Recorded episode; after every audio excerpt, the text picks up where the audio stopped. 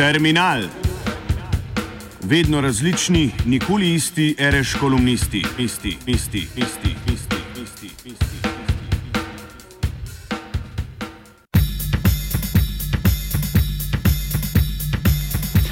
Epidemija v javnih financah.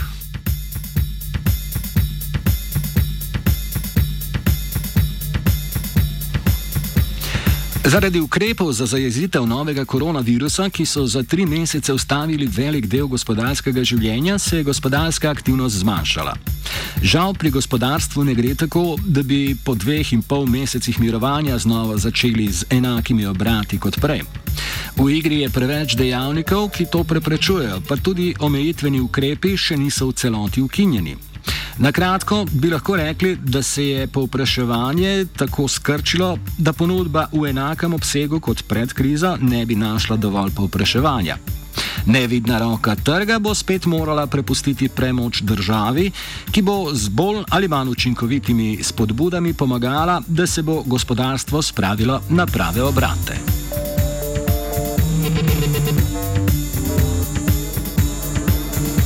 Svetovno gospodarstvo je že vstopilo v recesijo.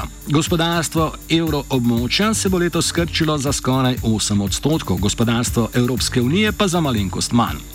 In ker je slovenski gospodarski uspeh v veliki meri odvisen od izvoza, je napoved naše največje trgovinske partnerice Nemčije, da bo njeno gospodarstvo padlo za malo manj kot 10 odstotkov, zaskrbljujoča. Obeta se nam skoraj 20 odstotni palec izvoza. Zaradi večjega števila brezposobnih, nižjih plač in bojazni, kaj bo jeseni, bo padla tudi potrošnja. Naša gospodarska aktivnost se bo tako leto zmanjšala za 7 do 8 odstotkov, odvisno od institucije, ki ocenjuje gospodarska gibanja. To je približno toliko kot leta 2009.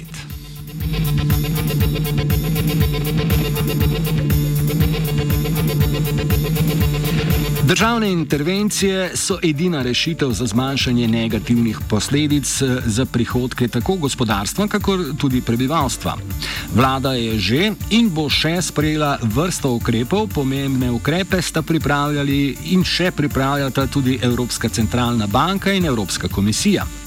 Veliko si obetamo od Evropskega sklada za okrevanje, ki naj bi Sloveniji namenil 5 milijard, pol v obliki nepovratnih sredstev, pol v obliki kreditov. Brez državnih intervencij bi bile prej omenjene številke še precej slabše.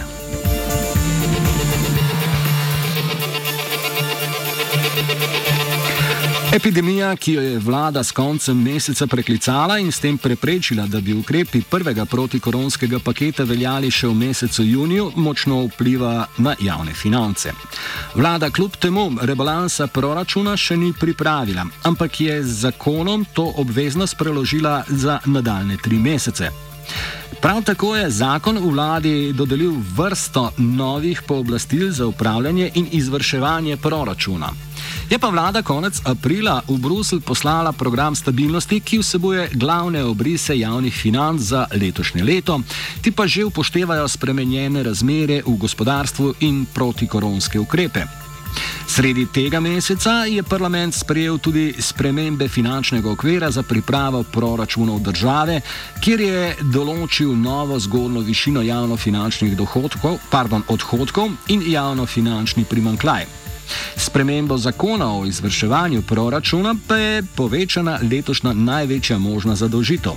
Spričo navedenega so trenutne, trenutno javne finance precej nepregledne.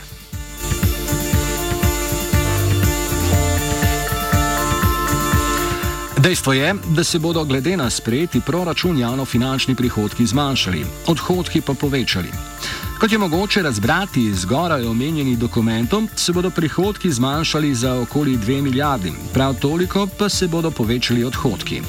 Vse naj bi se dogajalo v državnem proračunu. Bilanci pokojninske in zdravstvene blagajne boste ostali v ravnovesju, bilanca lokalnih skupnosti pa v rahlem presežku, kot je bilo prvotno predvideno. Namesto javno-finančnega presežka bodo javne finance v primankljaju in sicer v obsegu 8 odstotkov bruto domačega proizvoda.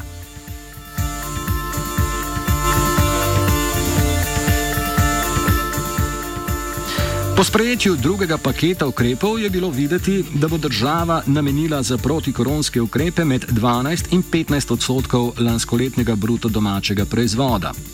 S tem se sicer ne bi uvrstili na vrh lestvice države Evropske unije, ne bi bilo pa zanemrljivo za okrevanje gospodarstva in blagostanje prebivalstva, če bi ta količina denarja prišla v obtok v prave roke in ob pravem času. Očitno je bila ocena preveč optimistična.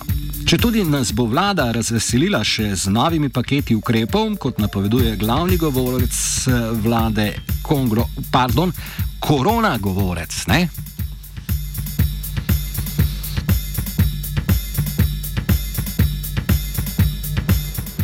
Natančnega podatka o obsegu sredstev za že sprejete protikoronske ukrepe nam vlada ni predstavila. Ocene v različnih dokumentih so različne in se kar precej razlikujejo. Upoštevanje zgornjo raven dovoljenih odhodkov iz okvira za pripravo proračunov države pa ukrepi ne bodo vredni več od dobrih 2 milijard. Zelo malo verjetno je, da bi ukrepe izdatneje financirali na račun zmanjšanja drugih proračunskih namenov, saj je predsednik vlade že obljubil, da prebivalstvu ne bodo krčili prejemkov. Za primerjavo, za sanacijo državnih bank smo davkoplačevalci plačali 4,5 milijarde in jih na to prodali za slabo polovico tega zneska.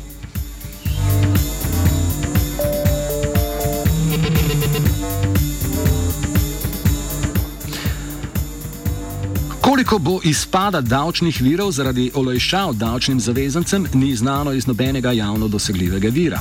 Verjetno, razen ministra za finance, nišče prav natančno ne ve, koliko denarja so oziroma bodo ukrepi odpeljali iz javnih financ. Nekaj več bomo izvedeli septembra, ko bo morala vlada predložiti rebalans proračuna, če ne bo takrat na pohodu že drugi val, ki ga novi direktor Nacionalnega inštituta za javno zdravje in javno izpostavljeni epidemiologi zelo pogosto omenjeno. Vse bolj je verjetno, da bomo pravo številko o porabljenih sredstvih izvedeli šele iz revideranega zaključnega računa proračuna za letošnje leto, torej nekje sredi prihodnjega leta. Da bo slika jasna in pravilna, pa bo moralo proračunsko knjigovodstvo opraviti še veliko zahtevanega dela.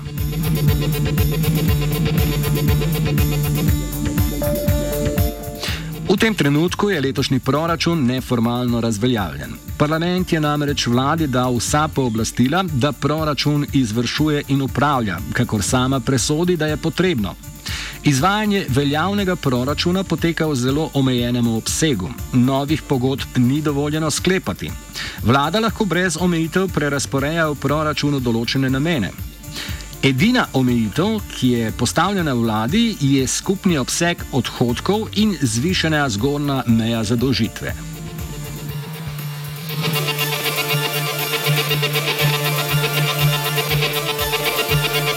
Epidemije uradno ni več, vendar v javnih financah vladajo izredne razmere, kakršnih še ni bilo. Terminal je pripravila Helena Kamnar.